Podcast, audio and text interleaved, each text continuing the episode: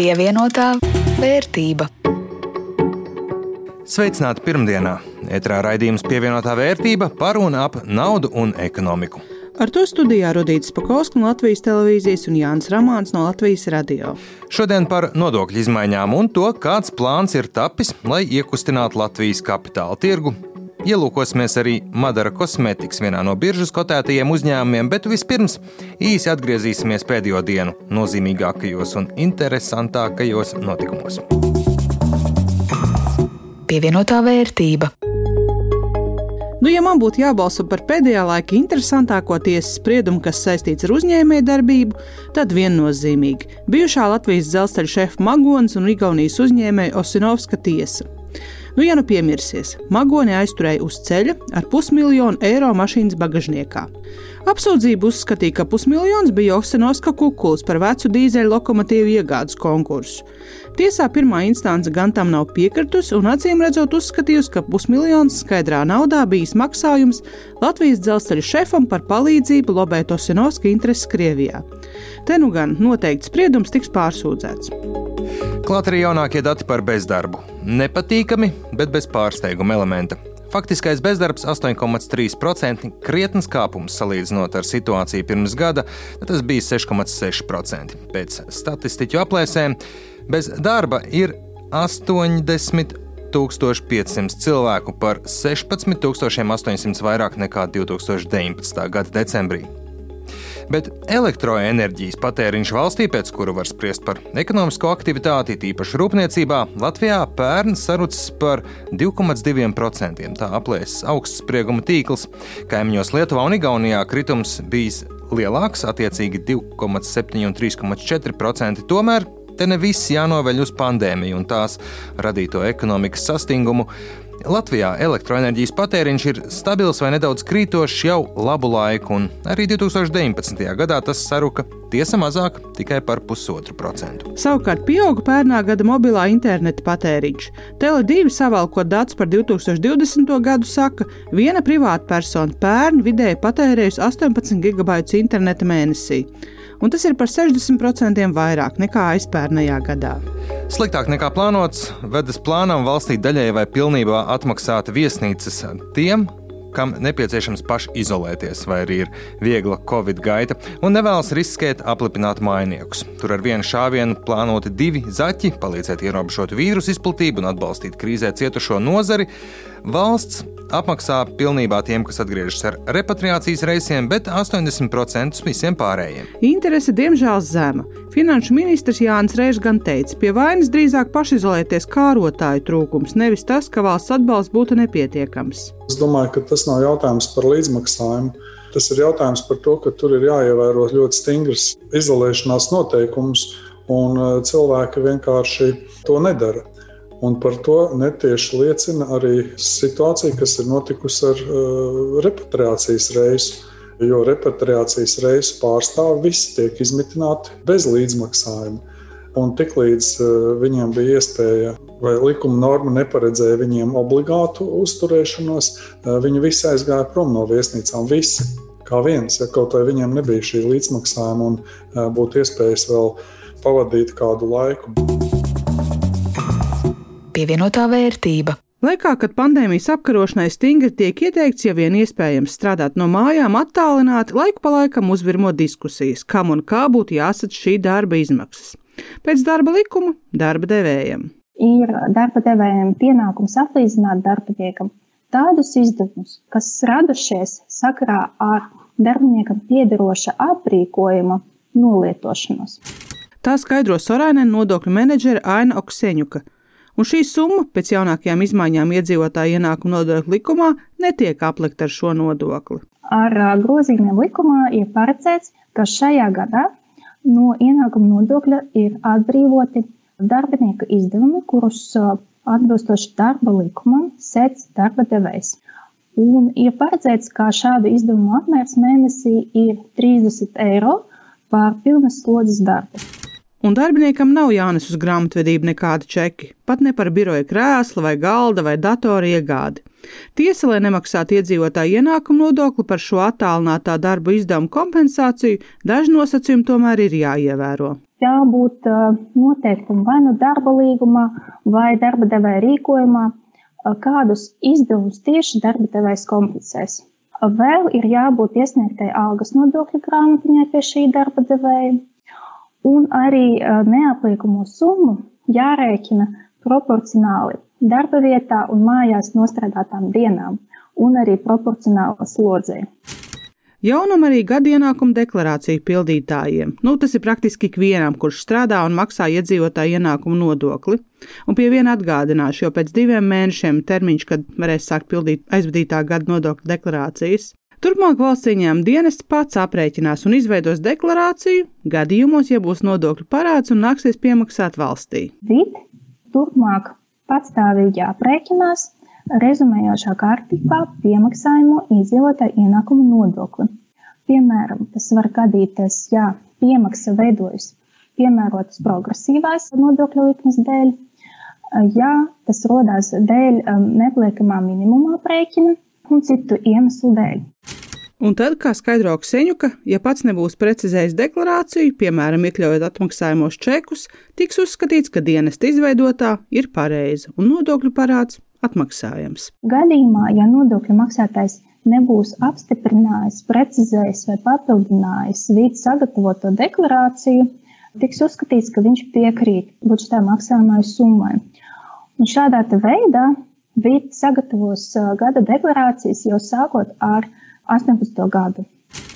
Automātiski deklarācijas aprēķināt un iesniegt plānots arī tajos gadījumos, ja cilvēkam pienāksies nodokļu atmaksa, respektīvi valstī viņam būs jāpārskaita nauda.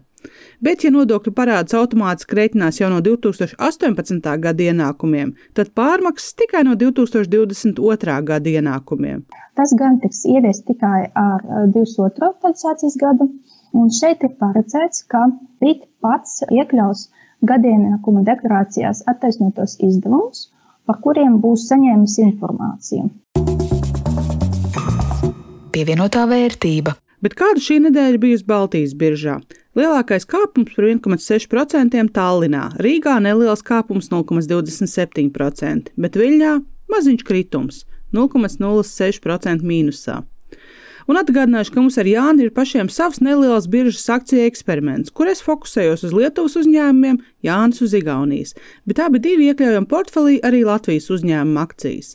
Un, ja salīdzina ar iepriekšējo nedēļu, tad manā portfelī akciju vērtība nedaudz sarukusi. Nu, peļņa ieguldītāja naudā ir nedaudz zem 17%. Jāni, ja raugās pēc biržas dinamikas, tev būtu jābūt pieaugumam. Kā tad ir? Turpat vien esmu, kur pirms nedēļas vidējiem rādītājiem iet labāk nekā man, bet vislielākais apgrozījums pērn nedēļa bijis nevis kā visai bieži ar Lietuvas uzņēmumiem, visbiežāk pēdējā laikā ar Šauļu banku vai Leišu energo milzi Ignitis grupu akcijām, bet Lielākais apgrozījums aizdītajā nedēļā Igaunijas finanšu uzņēmumam LHV Group. Tās akcijas tirgotas par 1,8 miljoniem eiro, Lietuvas uzņēmumi attiecīgi 2. un 3. vietā Šauļu banka - pusotras miljonus apgrozījums, bet 3. Ignitis grupa ar 1,2 miljoniem eiro. Bet Rīgas biržā gan viss kā ierasts. Visaktīvāk tirgot solēnfarma akcijas tiesa salīdzinot ar pārējiem biržas uzņēmumiem niecīgā apjomā par nepilniem 100 tūkstošiem eiro. Pagājušo nedēļu mūsu speciāla izlaidumā daudz runājām par saviem secinājumiem no pirmajiem soļiem akciju tirgū un atzinām, gribētos, lai ir vairāk Latvijas uzņēmumu, kuru akcijas var būt iegādāties. Brīžiem ir arī ļoti maz tirzniecības aktivitāte, un akcijas nevar īsti ne nopirkt, ne pārdot. Un mēs neesam vienīgie, kas to pamanījuši. Finanšu kapitāla tirgus komisija nākus klajā ar desmit soļu programmu, kā aktivizēt Eiropas līmenī panīkušo Latvijas kapitāla tirgu. Turpina Finanšu un Kapitāla tirgus komisijas padomas loceklis Girts Rūda. Šo 27 valstu vidū Latvija salīdzinot kapitālu un akciju tirgus kapitalizāciju pret iekšzemes koproduktu, diemžēl tur mēs joprojām esam godpilnējā pēdējā vietā ar vairāk nekā 40 reizes mazāku apjomu nekā attīstītākās Eiropas Savienības valsts. Bet vienlaikus jāuzsver, ka atpaliekam arī no kaimiņu valstīm, Lietuvas un Igaunijas, kur biržas ir neskatoties uz līdzīgas ekonomikas struktūru un izmēru, tomēr ir spējušas panākt augstāku attīstības līmeni. Un tas parāda, ka Latvijas akciju tirgus attīstības jomā būtiski atpaliek no tā potenciāla, kas būtu atbilstoši mūsu ekonomikas attīstības līmenim. Ja skatās pēc darījuma apjoma biržās pērngad, tad ar Tallinas biržas uzņēmumiem veikti 55% darījumu, Viļņā 42%. Un kur tad Latvija? Godpilnajā trešajā vietā ar 3, jā, 1, 2, 3, 3% no kopējiem Latvijas biržā veiktajiem darījumiem. Lai to mainītu, darāmā ir daudz, bet pirmais solis Finanšu kapitāla tirgus komisijas uzskatā ir savu naudu likt savā ekonomikā un sākt ar kapitālu, ko visi jau krājam pensijām. Pirmkārt, valsts fondēto pensiju schēmas līdzekļu ieguldīšana Latvijas kapitāla tirgū, tā skaitā valsts kapitāla sabiedrību kapitālā. Ja paskatāmies uz skaitļiem, tad uh, kopējie valsts fondēto pensiju schēmas līdzekļi sastāv 4,5 miljardus eiro. 740 miljoni ir ieguldīti vietējā ekonomikā, bet akcijās no tiem ir ieguldīts tikai 1% kā to risināt. Mēs redzam, ka ir nepieciešama kapitāla tirgus stratēģija, izstrāde, un arī ir nepieciešams piedāvājums valsts pašvaldību kapitāla sabiedrību iespējamai dalībai kapitāla tirgu, kas atbilst šim te pensiju schēmas ieguldīšanas ietveram. Protams, vēl mājas darbi ir gan regulēšanas uzlabošanā, gan uzņēmuma vilināšanā uz biržu. Tur, starp citu, programmā, kas sektu daļu izmaksu tiem uzņēmumiem, kas grib sākt savas akcijas kotēt biržā, esot jau apstiprināti četri pieteikumi. Lielum liels darbs darāms arī, lai uzlabotu Latvijas iedzīvotāju zināšanas un izpratni par kapitāla tirgiem. Gandrīz pusē Latvijas iedzīvotāji 2019. gadā nebija savu finanšu mērķu tuvākajam laikam. Visticamāk, ka Covid apstākļos šis skaitlis ir vēl pasliktinājies. Ieguldījumu pakalpojumus izmanto tikai 0,6% aptaujāto, un savukārt līdzi akciju tirgumu seko tikai 2% no Latvijas iedzīvotājiem un viens no mērķiem arī ikvienam palīdzēt izprast riskus, skaidro Finanšu kapitāla tirgus komisijas padomas loceklis Girts Rūda. Un visbeidzot, desmitais solis - objektīvs un analītisks informācijas nodrošināšana par ieguldījumu riskiem. Neizprotot risku pēc aptaujas rezultātiem, mēs redzam, ka Latvijas iedzīvotāji to nevēlas uzņemties vispār. Riska līmeņa noteikšana dažādiem kapitāla tirgus ieguldījumu veidiem būtu viens no pirmajiem darbiem, ko mēs varētu palīdzēt veikt, aktīvāk stāstot par to, kādi ir riski saistīti ar visdažādākajiem finanšu instrumentiem un kādus riskus tad vajadzētu izvēlēties, lai sasniegtu finanšu brīvību nākotnē. Jo, jo lielāka peļņa, lielāks pieaugums parasti iet roku rokā ar lielāku risku. Un tas piemīt arī manam un Jāņa akciju portfelim. Līdz šim esam piedzīvojuši kāpumu, bet abi rēķinamies, ka kādā brīdī var nākties noraudzīties, kā mūsu ieguldījumi arī sarūk. No riska šeit, protams, neizbēgt, un viens no veidiem, kā risku mazināt, ir censties uzzināt, cik daudz vien iespējams par uzņēmumiem, kur akcijas varētu pirkt, un izprast, kā viņiem vedas ar biznesu.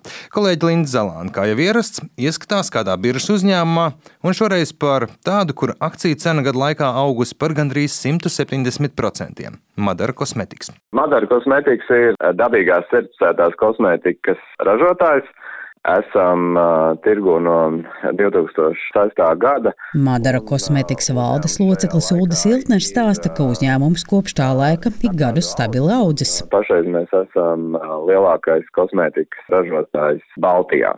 Protams, mājas tirgus Latvija kā viens no lielākajiem Citi lielākie tirgi ir Eiropas Savienības attīstītākās valsts, kā Somija, Vācija, Francija. Tie ir mūsu uh, pamatā tirgi, uz kuriem mēs uh, fokusējamies.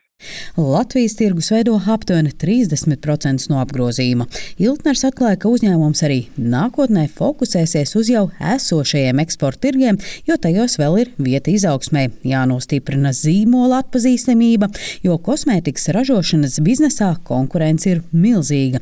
2019. gadā uzņēmuma neto apgrozījums veidoja 11,5 miljonus eiro un peļņa vairāk nekā pusotru miljonu eiro. 2020. gadā uzņēmumam uh, ir uh, gājis visai labi. Apgrozījuma ziņā gada griezumā mēs esam sasnieguši 16 uh, miljonus eiro, kas ir aptuveni 40% pieaugums pret 19. gadu. Ja mēs skatāmies uz pirmo pusgada rezultātiem pagājušā gadā, tad apgrozījums bija 8,2 miljoni un peļņa 1,8 miljoni eiro. kas ir pusgadu griezumā vairāk nekā tas bija par 2019. gadu kopā. Līdz šim lielākās investīcijas uzņēmums veicis 2015. un 2016. gadā, kad izveidoja ražotni Mārupē. Kopš tā laika ilgtermiņa ieguldījumos ik gadus investē vairāk nekā miljonu eiro. Savs ritms ir arī dividendžu maksāšanā. Mēs uh, dividendēs uh, novirzam ap uh, 25% no uzņēmumu iepriekšējā gada peļņas, nu, kas, protams, gadu no gada var mainīties, un tas, protams, ir arī akcionārs sapulces lēmums par to, kādu no šīs peļņas izmaksāt uh, dividendēs un kādu daļu novirzīt attīstībā. Madara Kosmetiks lielākie akcionāri ir Latvijas privātpersonas un Somijas uzņēmums Transmērī Group. Arī uzkrājumu un ieguldījumu ekspertam Kasparam Pēsiniekam pieder Madara Kosmetiks akcijas. Viņš teica, ka šī uzņēmuma akcijas ir bijis lielisks ieguldījums tiem investoriem, kuri ir ieguldījuši šī uzņēmuma IPO jeb pirmreizējā akciju izvietošanā biržā, kas notika 2017. gadā. Toreiz akciju cena bija 6,25 eiro par vienu akciju. Pat labam tā ir virs 20 eiro, tas nozīmē, ka trīs gados akciju cena pieaugusi aptuveni par 220%. Jāatzīst, arī Madaras akcija nebija imūna pret Covid-19 katricinājumu 2020. gada sākumā. Un tajā brīdī tie investori, kuri ļoti aktīvi seko līdz tirgiem, varēja iegādāties Madaras akcijas par salīdzinoši zemu cenu, jau gandrīz par tādu pašu IPO cenu. Līdz pat šim brīdim akcijas ir augušas, un ja akcijas tika iegādātas iepriekš, tad ir ļoti labi, ir piedzīvots ļoti augsts ienesīgums. Tomēr šobrīd rodas jautājums, vai akcijas var augt vēl augstāk. Akciju cenas straujais pieaugums pagājušā gadā iet roku rokā ar pārsteidzoši spēcīgiem finanšu rādītājiem. 2020. gadā apgrozījums salīdzinot ar 19. gadu pieauga par 33%. Arī nākamajos trīs gados uzņēmums prognozē aptuveni 20% apgrozījumu pieaugumu gadu, un 2023. gadā plāno sasniegt jau 27 miljonus eiro gadā. Tāpat uzņēmums pērn ziņoja par labiem peļņas rādītājiem. Un piecos mēnešos brutto peļņas marža sasniedz 60% atzīme, kas atbilst uh, iepriekšējo piecu gadu vidējam līmenim, kas būtībā apliecina to, ka uzņēmums spēj sekmīgi strādāt un pelnīt. Savukārt neto peļņas marža iepriekšējos piecos gados vidēji bija ap 14%, taču 20. gada pirmajos sešos mēnešos pieauga līdz 22%. Un, manuprāt, tieši straujais neto peļņas maržas pieaugums kombinācija ar uh, strauju augošu apgrozījumu, kā arī apgrozījumu pieaugumu prognozēm nākamajiem trijiem gadiem ir bijis galvenais iemesls pie cenas straujiem kāpumam. Pie tām uzņēmums reizi gadā izmaksā arī nelielu dividendi, piestrādā pie attiecībām ar investoriem. Pēcinieks vērtē, ka uzņēmums varētu būt pievilcīgs ilgtermiņa ieguldīšanai. Akcijas cena ir relatīvi dārga, ja salīdzina ar uzņēmumu iepriekšējo trīs gadu rādītājiem, taču tā ir relatīvi lēta salīdzinot ar globāliem konkurentiem. Eksperts teica, ja uzņēmums spēs realizēt pieauguma prognozes un saglabās peļņas līmeni, tad akciju cenai ir potenciāls turpināt pieaugt. Linda Zalāne, Latvijas radio. Pievienotā vērtība. Ar to arī izskan šodienas raidījums. Pievienotā vērtība to veidoja Jānis Rāmāns no Latvijas radio un Rudīts Pakausks no Latvijas televīzijas. Šo un citus raidījumus varat noklausīties Latvijas radio mājaslapā un arī populārākajās podkāstu vietnēs. Tiksimies atkal pēc nedēļas, šajā pašā laikā, šajā pašā vietā.